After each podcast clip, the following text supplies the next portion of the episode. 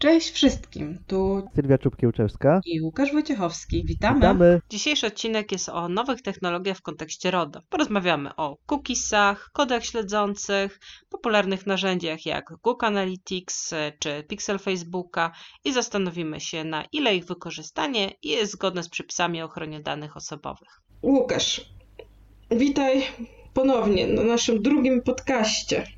To już drugi. Tak, trudno w to wierzyć, że nam się to jednak udało. Zaplanowaliśmy sobie, że dzisiaj porozmawiamy troszkę o narzędziach analitycznych, takich, które się y, instaluje na stronie, cookiesy czy inne technologie śledzące, bo w sumie bardzo mała jest świadomość na ten temat, przynajmniej tak mi się wydaje, nie wiem jak ty uważasz. To prawda, kiedy z Tobą rozmawiałem pierwszy raz na ten temat, to miałem takie wrażenie, że stanowczo przesadzasz, zwłaszcza jeśli chodzi o jedno narzędzie. Chyba Mhm. możemy powiedzieć, jakie chodzi o to. Myślę, że tak, zdecydowanie. Analitykę Google'a, Google Mhm. Analytics. Wydawało mi się, że no, skoro wszyscy to stosują, to tematu nie ma. Natomiast e, kiedy... I wiesz co, wejdę ci w słowo. Wszyscy. Mhm. Ja sprawdzałem, wtedy, wtedy, kiedy o tym rozmawialiśmy, wszyscy znaczyło. Wszystkie ministerstwa, premier, Urząd Ochrony Danych Osobowych, minister cyfryzacji. Od momentu, kiedy rozmawialiśmy, zmieniło się tylko jedno. UODO nie ma już tego na stronie. Jako jedyne. Pozostali nadal to mają. I teraz przejdźmy do tego, co ty powiedziałeś. Jak zacząłeś analizować, to doszedłeś do jakichś wniosków. No powiem Ci tak, że przede wszystkim chodzi o treść regulaminów, prawda? Jak człowiek nie przeczyta, to myśli, a może ktoś przesadza, może nadinterpretuje. Natomiast z tych regulaminów jasno wynikają pewne obowiązki dla tego, kto używa tego narzędzia. I bardzo fajnie kiedyś napisałaś, czy powiedziałaś, Mhm. że niech każdy się zastanowi. Dostaje coś za darmo, Mhm. coś bardzo dobrego, bardzo atrakcyjnego, świetną analitykę, prawda? Tak naprawdę. No ona jest bo- rewelacyjna, E, Ona jest wykresy. rewelacyjna, Mhm. bo, bo ja też jej używałem w, w, w przeszłości, już, już teraz nie używam. Wiesz, takie dane, no ale z drugiej strony, jeżeli oni potrafią wskazać grupy wiekowe, Mhm. wskazać e, lokalizację, wskazać e, zainteresowania Mhm. osoby, która wchodzi na daną podstronę, to znaczy, że skądś te dane muszą być czerpane. I tutaj pojawiają się schody. Pytanie brzmi tak, skoro to jest za darmo, to chyba coś jest nie w porządku, nie? Bo w życiu nie będzie za darmo. Jak można coś tak fajnego dostać za darmo? Jest... Wiesz, no jak, jak generalnie też powiem Ci szczerze, moją czujność uśpiło to, że korzystam między innymi z e, nawigacji Google, Mhm. która jest bardzo dobra. I tutaj pomijając to, że no, wiedzą gdzie jestem, dokąd zmierzam, prawda? Z kim jesteś?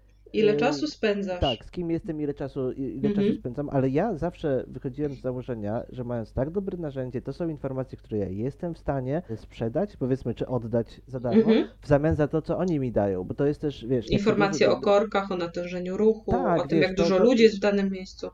To pozwala, wręcz e, uważam, że to się w przypadku nawet takiej osoby e, i takiej działalności gospodarczej jak moja, to się przekłada na realne pieniądze, bo Mhm. ja podróżując z punktu A do punktu B w Polsce, prowadząc szkolenia, e, jeżeli mam, mam jechać godzinę, a mam jechać 2,5 godziny, bo bym jechał z tradycyjną mapą, nie ominął korków, naprawdę z tego korzystam. No Więc ja tutaj miałam ostatnio taką sytuację, jak jechałam do Białegostoku, że Google, wiesz, zawsze jeździmy S8 i nagle Google mówi skręć tutaj w bok, koniecznie skręć w bok, nie? Patrzymy na Tak. mapę, a jest wypadek. I on po prostu Mhm. wiedział, że jest ten wypadek i pozwolił nam ominąć i później sprawdzaliśmy, że godzinę zyskaliśmy.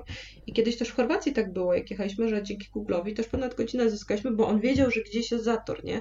Czego ty byś nie wiedział. Więc to jest dla nie ciebie realny zysk.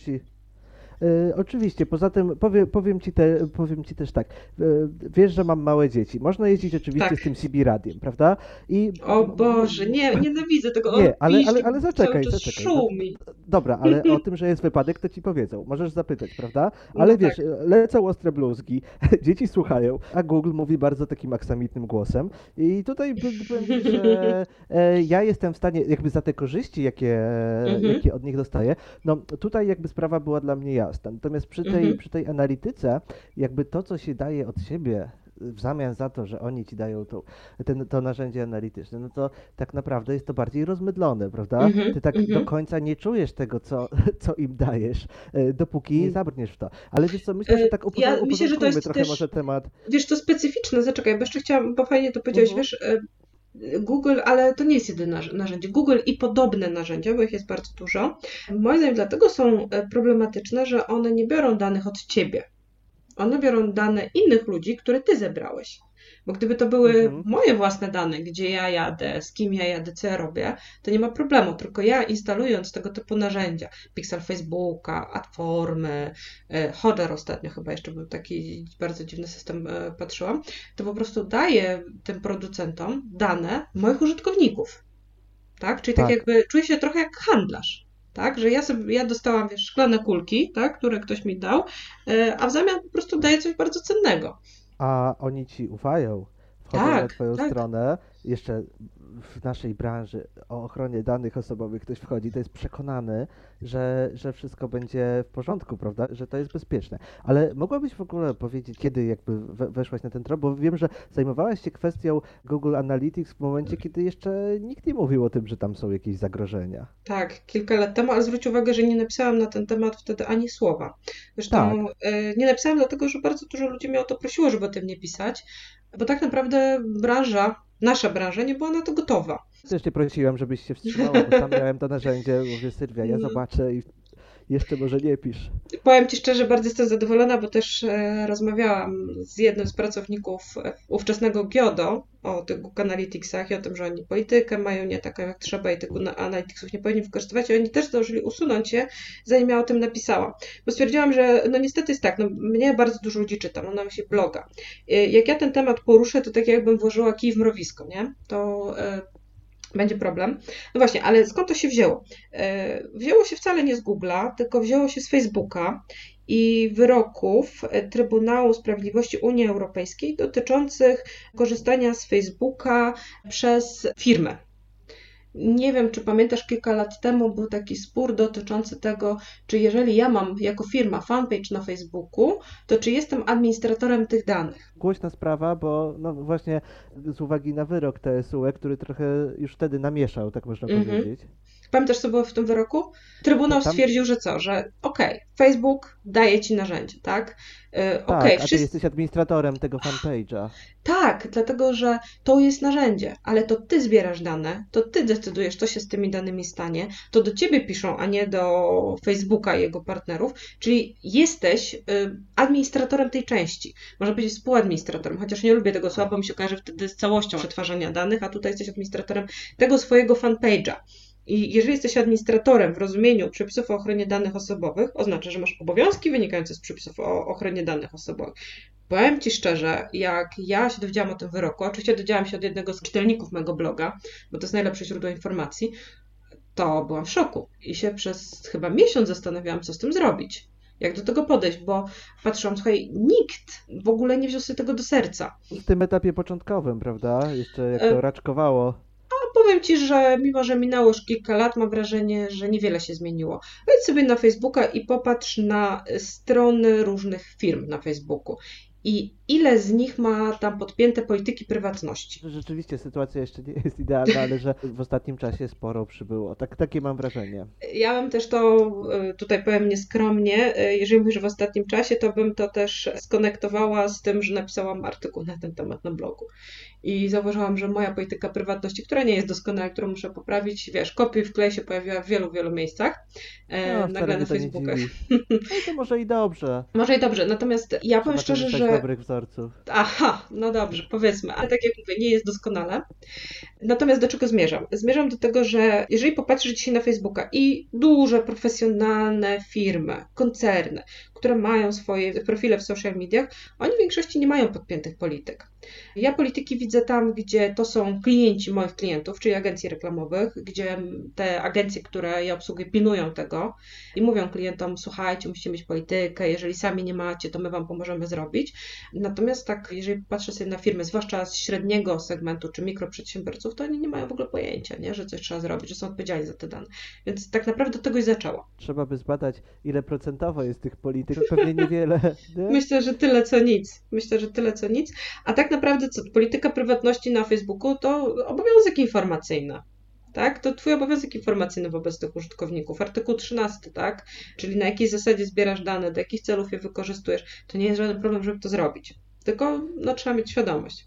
Ale wiesz, też przy okazji wypełniasz, prawda? Czyli łączysz takie, no, jakby różne przepisy, bo tak jakby spojrzeć na to od strony prawnej, no to e, Mhm. świadczenie usług drogą elektroniczną, prawda? To RODO, nie, w Mhm. niektórych e, aspektach prawo telekomunikacyjne i tak naprawdę taką polityką możesz sobie dużo tych spraw wyczyścić, e, czy Tak, powiedzmy uporządkować gładko, bo i wsadzisz obowiązek informacyjny, i wsadzisz informacje o plikach cookies, i wsadzisz inne informacje na temat tego, czego się może spodziewać ten użytkownik, ale e, wiesz co, zastanawia Mhm. mnie jedna rzecz, bo rozmawialiśmy e, ostatnio, czy pisaliśmy, że użytkownik powinien wyrazić zgodę jeszcze zanim rozpocznie korzystanie ze strony, prawda? Mhm. Bo można To to, jest- interpretować tak, dobra, wejdzie sobie, nie wejdzie na tą Mhm. politykę prywatności, tylko no dobra, Tutaj jeśli, tak jeśli naprawdę- nie wejdzie. tak naprawdę punktem wyjścia tutaj powinno być dla nas prawo telekomunikacyjne, nie? które mówi o cookiesach i podobnych technologiach. E, Jeżeli wykorzystujesz inne niż niezbędne takie do działania strony cookiesy, no bo są takie cookiesy sesyjne na przykład, które zapamiętują, że jesteś zalogowany albo jaki język wybrałeś, nie? Jeżeli wykorzystujesz Tak. inne, to użytkownik powinien się na to zgodzić. Natomiast jak powinna wyglądać ta zgoda, no to to już jest kwestia sporna. I powiem Ci szczerze, ja do dzisiaj nie jestem pewna, jak powinna ona wyglądać, bo tak, są opinie, które w sumie wynikają z jakiejś opinii prezesa e, Urzędu Komunikacji Elektronicznej, który powiedział, że po prostu taki komunikat o cookiesach, który odklikujesz tam na zasadzie akceptuję, jest wystarczający. Natomiast problem się pojawia wtedy, kiedy my zaczynamy zastanawiać, czy to jest profilowanie. Jeżeli to jest profilowanie, to powinniśmy mieć zgodę, a jeżeli powinniśmy mieć tą zgodę, to artykuł 7 RODO mówi, że musimy być w stanie udowodnić, że jest to zgoda. Czyli co, zapisywać. No dobra, ale co jeżeli Bardzo ktoś nie się to wyrazi? komplikuje. Bardzo się No właśnie, a co jeżeli ktoś nie wyrazi zgody? No to jeżeli on nie wyrazi, no to nie powinny być te cookiesy. A czy my mamy w ogóle taką możliwość, żeby te cookiesy nie były? Bo wiesz, w ogóle od strony technicznej bardzo często problem polega na tym, że jeszcze zanim wejdziesz na stronę, to te cookiesy i tak już ci się ładują. To prawda, ja sobie zdaję z tego sprawę i wiesz co, też wydaje mi się, że jest taka, no trochę taki paradoks, bo zobacz, my teraz zastanawiamy się, jak zrobić tak, żeby już było idealnie zgodnie z przepisami, o których mówimy. Ciągle pozostaje jakieś 90% e, firm i instytucji, które w ogóle nic nie mają i się tym jeszcze nie nie, przejmują. przejmują. I Mhm. pytanie, czy nie powinno to być w jakiś sposób egzekwowane, prawda? No tak, wiesz, ale moim zdaniem nadal brakuje jakiejś wytycznej, wiesz, tak jak bardzo mi się podobają podradniki UODO dotyczące zatrudnienia, dotyczące monitoringu był całkiem fajny, ale ten zatrudnienia mi się podobał, bo z niego często korzystam. Kurczę, przydałby się taki poradnik dotyczący korzystania, wiesz, z różnych technologii w internecie, social mediów, z cookiesów, elementów śledzących, bo wiesz, tak naprawdę nikt nie wie, jak to robić. Jeżeli popatrzysz sobie na, e, nawet na stronę UODO, to oni sami też nie wiedzieli, jak to robić, nie? Oni mieli Google Analyticsa, tylko informowali o tym, czy to jest wystarczające. Właśnie. Wiesz, czy... I teraz w ogóle kluczowe pytanie brzmi, i ja Ci powiem szczerze, że moim zdaniem nie odpowiemy na nie sobie dzisiaj, czy w ogóle te technologie to jest profilowanie?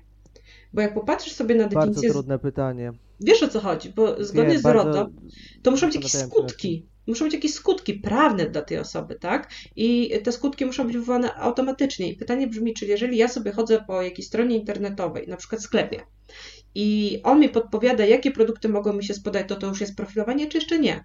No, y, moim zdaniem nie, ale jest to jakby bardzo tutaj szeroka możliwość interpretacyjna. No Znowu właśnie. trzeba by zaczekać na jakieś 3-4 sprawy z wyrokiem TSUE i można wtedy się zastanawiać, w jaki sposób rozumieć to profilowanie, bo no wiesz, czy tekst RODO przetłumaczony na, na, na, na polski trochę, trochę nieudolnie, ale Mhm. nawet te, te, te takie rdzenne teksty, że tak powiem, też jakby z nich nie do końca wynika, jak to interpretować. Jest jakby duże, duże pole co do Mhm. tego, co jest profilowaniem, a co nie jest profilowaniem, czy jakiekolwiek, e, jakiekolwiek Dam ci fajny przykład, dam ci fajny Mhm. przykład, wiesz, właśnie, y, bo tak, z profilowaniem jest tak, że niby wiemy, ale nie do końca wiemy.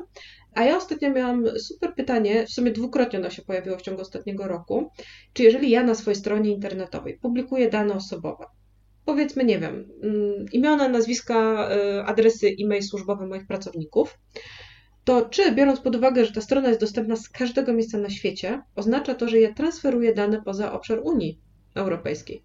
O, dobre pytanie. Ja sobie z nim poradziłam, natomiast wiesz, to nie było takie oczywiste. Jak, jak, jak to by się wydaje, w ogóle tak intuicyjnie?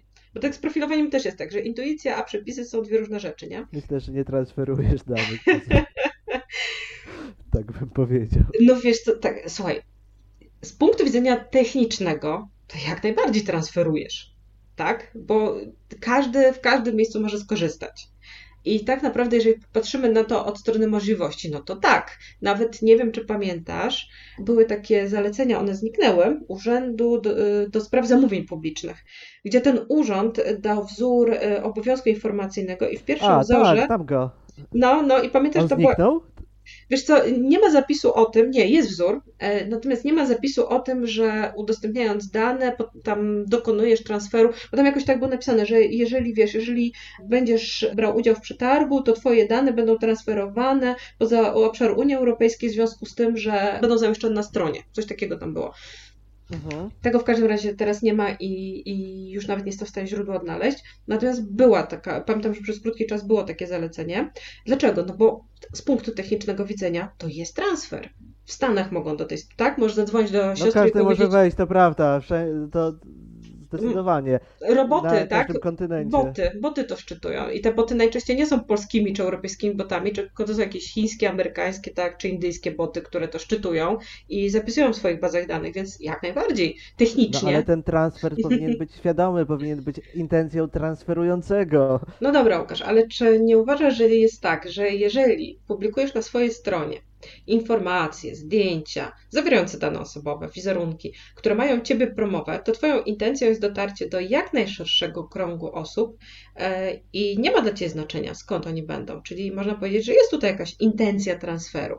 No nie, ale dla mnie ma. Zobacz, jeżeli ja prowadzę bloga, który Mhm. jest tak naprawdę reklamą świadczonych przeze mnie usług, czy reklamą mojej Mhm. osoby jako potencjalnego szkoleniowca, trenera, czy y, świadczącego inne usługi, to mi nie zależy na tym, żeby to czytali gdzieś w Australii czy w Mhm, Afryce, chociaż mogą, tylko chcę dotrzeć do y, naszych tutaj odbiorców w Polsce, bo świadczę te usługi dla polskich podmiotów, Jasne. instytucji, firm. No dobra, nie będę się z tą droczyć, bo Trybunał Powiedz, jak Sprawiedliwości... wybrnęłaś.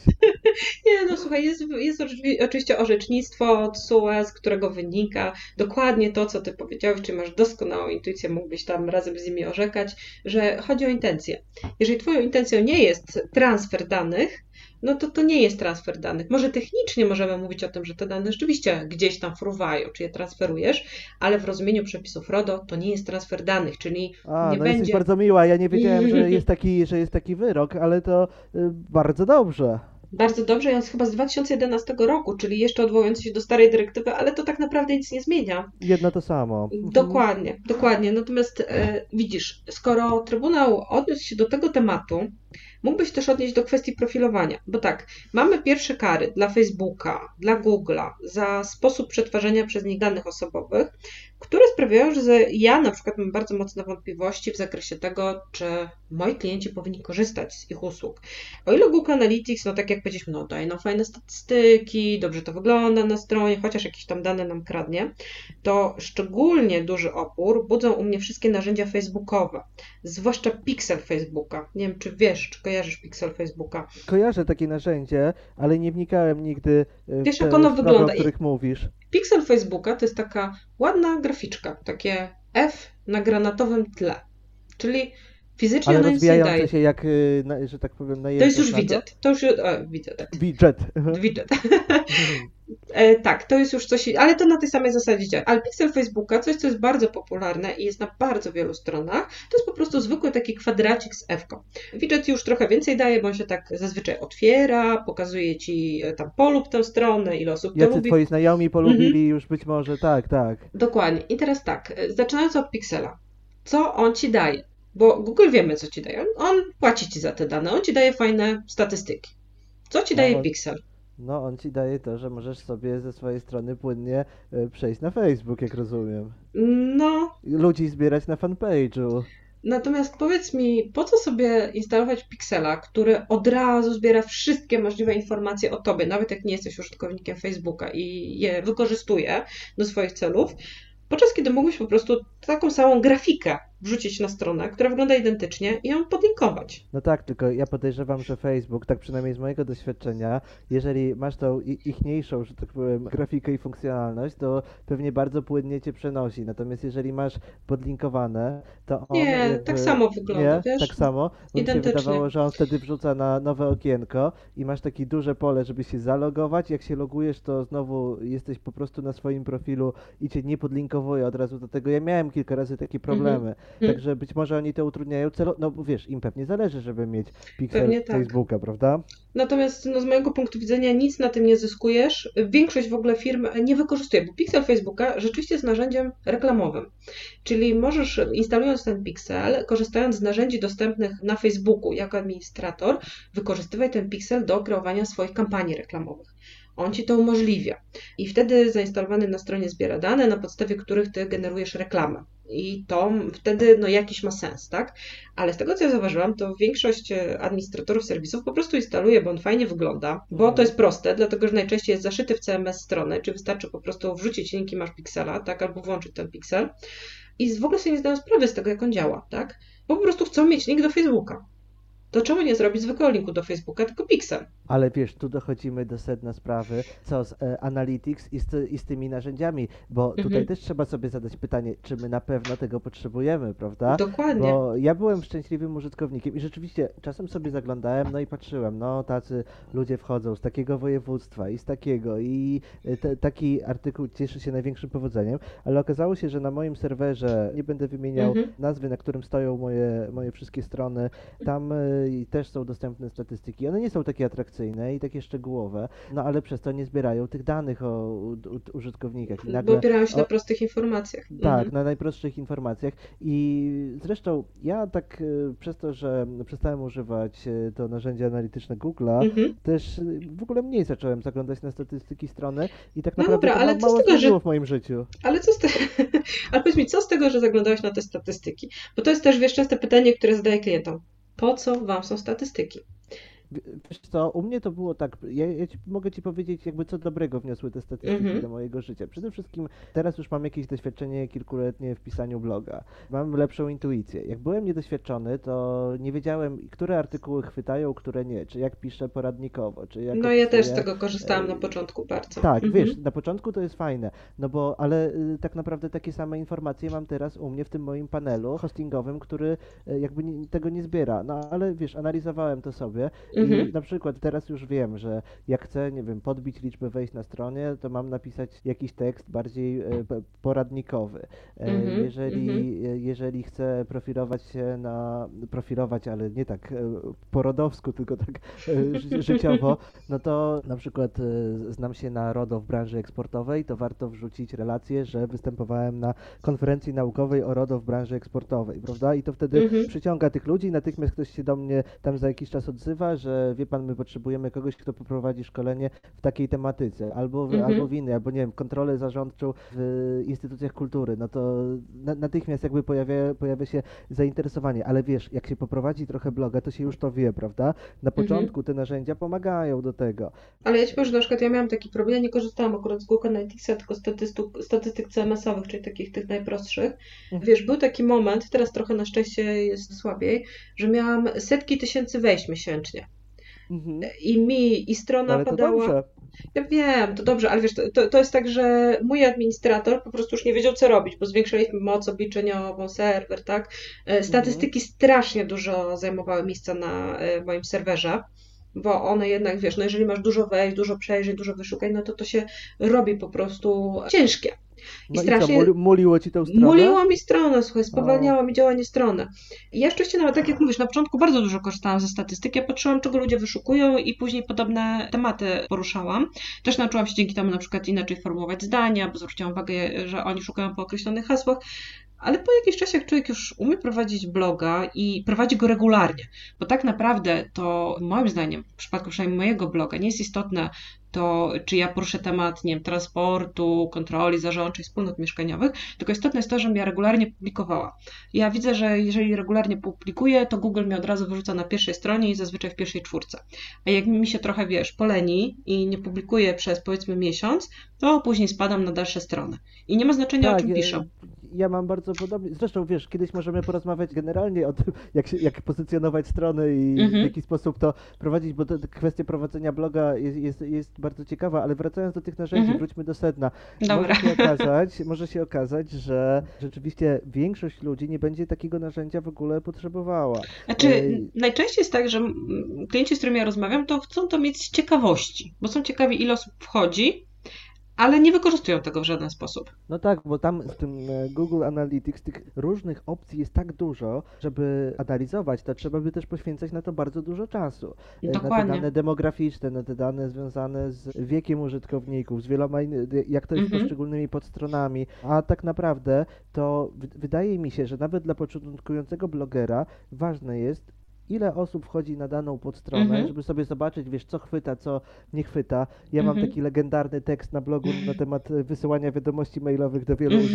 użytkowników. Z którego ja też chyba- korzystam chętnie. Tak, z jego... Z jego Na warsztatach wykorzystuję. Mhm. tak, bo jakoś mi się to udało zgrabnie już to już dawno temu na, na, napisać i powiem Ci, że no taka informacja jest cenna, ale to, czy te wiadomości e-mail do wielu osób, co chcą czytać 20-latkowie czy 40-latkowie, to już nie jest powiedzmy takie ważne, Mhm. bo czy z województwa zachodniopomorskiego, czy z województwa podkarpackiego. No nie, to- no to dokładnie. Mógłbym sobie to z ciekawości zobaczyć. Jedyne co, to też wydaje mi się, że to się poprawiło. Kiedyś było tak, że ta analityka Google wychwytywała różnego rodzaju boty i e, takie wejścia na stronę związane, związane powiedzmy nie, nie ze zwykłymi użytkownikami, tylko jakby sztucznie nabite, prawda? Ale to wiesz co, to ale- są narzędzia, które, które tak, można myślę, to że oni to też już teraz zrobić. filtrują. Przez Nie potrzebujesz czas- do tego, wiesz, żadnych Google ani innych narzędzi, bo są po prostu narzędzia, y, czy na serwerze, czy w Twoim CMS-ie, które umożliwiają takie rzeczy. W ogóle my jesteśmy chyba wyjątkowi, bo jesteśmy blogerami, którzy korzystają z profesjonalnej obsługi informatycznej swoich blogów, nie? Nie robimy tego sami i stwierdziliśmy, że jeżeli chodzi o bezpieczeństwo strony, to niech nam ktoś zadba. A w ogóle, nie, nie wiem, czy pamiętasz, bo tak wróćmy do tej analityki, w ogóle e, strony internetowej, że ja generalnie, e, nie wiem, chyba ci się kojarzę z osobą, która się strasznie czepia twoich stron, co? No kiedyś, teraz to już właściwie nie masz czego się czepiać, chociaż e, e, odpalam powoli nowy portal e, kontrola zarządcza.pl i myślę, że tam będziesz miała kilka uwag, ale jeszcze jest na, na tyle, na tyle w powijakach, że jeszcze, jeszcze nie było kiedy, bo tam nie mam HTTPS-a i po prostu zwyczajnie z braku czasu, zresztą tam się niewiele dzieje, ale pa, pamiętam, że kiedyś rzeczywiście zwracałaś uwagę na pewne rzeczy i wiesz co, wydaje mi się, że warto powiedzieć o tym, może dla osób, które mogą Właśnie. mieć podobne odczucia. Jeżeli ktoś mi mówi, że coś jest złego na mojej stronie, pierwsza reakcja gdzieś tam w sercu jest taka, czepia się mnie. A po co to, prawda? Tyle jest ważnych problemów, a po co A wchodzi? ktoś się czepia strony, ale to jest twój wizerunek. Tak, e- tak, y, szczególnie w, w naszej branży, prawda? Dokładnie. Jak, jak można ludziom mówić, że mają coś robić, jeżeli na swojej stronie masz inaczej zrobione i nie masz Dokładnie. tego zrobionego, że mają y, Y- na fan, fanpage'u wstawiać regulamin, sama nie masz regulaminu na, na fanpage'u, prawda? Warto zachęcić naszych słuchaczy, żeby po wysłuchaniu tego podcastu przejrzeli kilka stron firm, które świadczą usługi w zakresie RODO i zobaczyli, na ile te strony są zgodne z RODO. Bo to jest w ogóle śmieszne, że świadczysz usługi jako profesjonalista, tak? Po, profesjonalny podmiot gospodarczy, a u ciebie po prostu pod latarnią jest najciemniej. U ciebie w ogródku jest bałagan, tak? Chwasty niewyrwane, tak jak mówisz. Właśnie, zreasumujmy sobie, bo w sumie mogliśmy tak godzinami gadać. Generalnie, powinniśmy mieć na swojej stronie jakąś politykę prywatności. Ja w tej polityce poinformowałabym, co o narzędziach, z których korzystam, wszelkiego rodzaju analitycznych, zbierających dane, o cookiesach, które mam na stronie, nawet jeżeli to są tylko cookiesy niezbędne. No i bo taki spełnia- masz i ja zresztą też teraz, No prawda? dokładnie. I spełniłabym obowiązek informacyjny. Bo kurczę, no trzeba ten obowiązek wypełnić. Nieważne, że prowadzisz jednoosobową działalność gospodarczą i masz stronę wizytówkę. O, powinieneś wypełnić obowiązek informacyjny. I ja powiem Ci A szczerze, co byś że... powiedziała, Mhm. przepraszam, że tak wejdę Ci słowo, ale wydaje mi się, że to jest ważne. Co byś powiedziała blogerom, którzy nie prowadzą działalności gospodarczej, a prowadzą bloga? Może, E, może to tak To ja Ci powiem. O, dobra, wiesz co, bo ja mam bardzo dużo maili od takich osób z pytaniem, czy mogłaby Pani pomóc z moją stroną internetową. Mhm. Ja mówię tak, dopóki robisz to hobbystycznie, jako osoba prywatna i na tym nie zarabiasz, to powiedzmy, że jest ok. Ale pierwszy moment, kiedy będziesz chciał cokolwiek zarobić na tym, to jest moment, kiedy to już przestaje być działalność niepodlegająca przepisom RODO i kiedy musisz już spełnić wszystkie wymagania. Z mojego punktu widzenia, już dzisiaj zadbaj o swoją stronę, bo to wygląda profesjonalnie, to wygląda dobrze. Ja mam koleżankę, która, słuchaj, ry- rysuje. Tak, robi obrazki. I ona ma stronę, która jest po prostu galerią tych zdjęć i w zasadzie używa tylko Google Analytics na stronie, a sobie sama zrobiła komunikat o cookiesach i sama sobie zrobiła politykę prywatności, gdzie nawet wypełnia Mhm. obowiązek informacyjny z RODO. Bo sobie gdzieś znalazła wzór i zrobiła. Bo wyszła z założenia, że po prostu to jest profesjonalne i nie pytała mnie o radę, tylko wiesz, zrobiła na mnie wrażenie. Weszłam do niej na stronę i mówię, wow. Dużo mam znajomych, którzy zakładają jakieś blogi z myślą, no nie oszukujmy się, większość ludzi zakłada blogi, że prędzej czy później na nich zarabiać. tak? Dokładnie, Żeby tak. monetyzować tę działalność. Więc zróbmy to porządnie, od razu zrób politykę prywatności. Ja powiem więcej, jeżeli tobie ktoś tego bloga robi, a bardzo często tak jest, że ktoś ci najpierw robi tego CMS-a, zakłada tą stronę, to weź zobacz, jakie masz zainstalowane narzędzia i cookiesy, bo zauważyłam, że zwłaszcza to jest przy podmiotach publicznych, wiesz, które obsługuję, że wiele podmiotów publicznych nie ma pojęcia, że mają jakieś piksele Facebooka, Google Analyticsy, albo to informatyk zainstalował razem ze stroną, nie? Tak, i to ich tak jakby nie dotyczy, ale wiesz co, bardzo się Mhm. cieszę, że powiedziałaś to o tym, żeby to zrobić na początku z jeszcze jednego takiego Mhm. pragmatycznego względu. Na początku, jak się zaczyna prowadzić bloga, Ma y, się bardziej czas. hobbystycznie ma się czas, a później jeżeli zaczyna się zarabianie, no to niestety zarabianie, być może u niektórych ludzi jest inaczej, życzę tego wszystkim, ale y, u większości ludzi jak zaczyna się zarabianie, to nie ma się czasu. I to, nie i ma to się jest, czasu, y, no. to, to, jest problem i wtedy jakby jest stres, no bo tutaj, nie wiem, tak jak w naszej branży, tutaj trzy szkolenia, e, tutaj komuś się robi dokumentację, tutaj komuś się pomaga w innej formie, jakiś audyt, a... Nie pracujesz 20 godzin dziennie, mimo że miała być piękna freelancerka po, wiesz, po 5 godzin, nie? Dokładnie, a weź jeszcze wtedy, y, pisz w nocy regulaminy na stronę, no bo wstyd, no bo e, ludzie się Dokładnie. interesują i widzą, że tego nie masz. Dlatego A Łukasz, może- pamiętasz w ogóle, z czego mi się wzięło to, że ja regulamin na stronie mam? Bo ja jestem jedną chyba z niewielu osób, która ma regulamin świadczenia usług drogą elektroniczną u siebie na stronie. Nie pamiętam od czego wysłać, czy to był formularz zamiast Nie. adresu mailowego. Nie, bo Nie. to jest taki najczęstszy przypadek, że ktoś powinien mieć ten regulamin świadczenia usług, bo ja na przykład nie mam takiego regulaminu z pełną świadomością i nie jest to błąd, dlatego że wybrnąłem z tego tak, że, że takich usług nie świadczę, natomiast nie pamiętam jak to było u To ja ciebie. ci powiem, ja ci powiem, może nie pamiętasz, a może nie rozmawialiśmy. Ja miałam dosyć nieprzyjemną e, historię, bo wiesz, usługi świadczone drogą elektroniczną to także są nasze usługi realizowane na odległość, na przykład ktoś daje mi zlecenie, żebym mu coś zrobiła, na przykład napisała regulamin usługi, obowiązek informacyjny, politykę prywatności, tak? I zleca mi to poprzez e-mail. Zazwyczaj ja proszę jeszcze o podpisanie formularza takiego zlecenia i później ja to także, wiesz, elektronicznie realizuję. Czyli jest to usługa w 100% świadczona na odległość. Jeden z klientów nie chciał mi zapłacić i Mhm. powiedział mi, że okej, on mi zapłaci, ale on uważa, że ja złamałam przepisy, bo powinnam była go poinformować o regulaminie świadczenia usług drogą elektroniczną. Tym bardziej, że on jest konsumentem, to akurat była osoba fizyczna.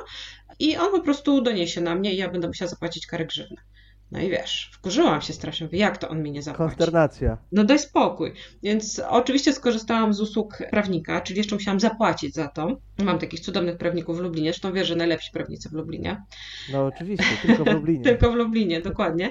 I powiem Ci, że rozmawiałam z prawnikiem, który powiedział, no Pani Sylwio, ja też świadczę usługi dokładnie w ten sam sposób. Świadczę usługi doradcze poprzez e-mail i dokładnie w ten sam sposób załatwił mnie jeden czy dwóch klientów i w związku z tym y, informuję Panią, że Pani powinna mieć ten regulamin, bo rzeczywiście, jeżeli się świadczy usługi poprzez e-mail, świadczy się usługi drogą elektroniczną, jest taki obowiązek. I on mówi tak, może Pani się kłócić z tym człowiekiem, ale z Pani punktu widzenia wizerunkowo to jest ogromny problem, że Pani nie zrealizowała tego obowiązku, bo Pani świadczy usługi jako profesjonalista i to jeszcze w specyficznej branży, tak? Tak, w tej branży można powiedzieć. W tej branży, dokładnie. Więc on powiedział, że jego zdaniem po prostu muszę dopełnić formalności. Z klientowi oczywiście odpuściłam, bo stwierdziłam, że oczywiście nie ma co kłócić, nauczył mnie czegoś, więc może nawet powinna być mu wdzięczna.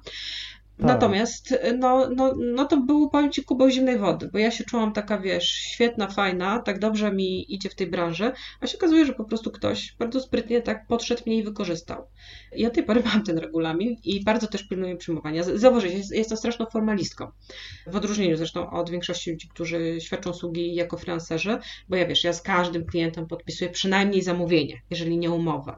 Tak, E, zauważyłem, że strasznie tak o to dbasz.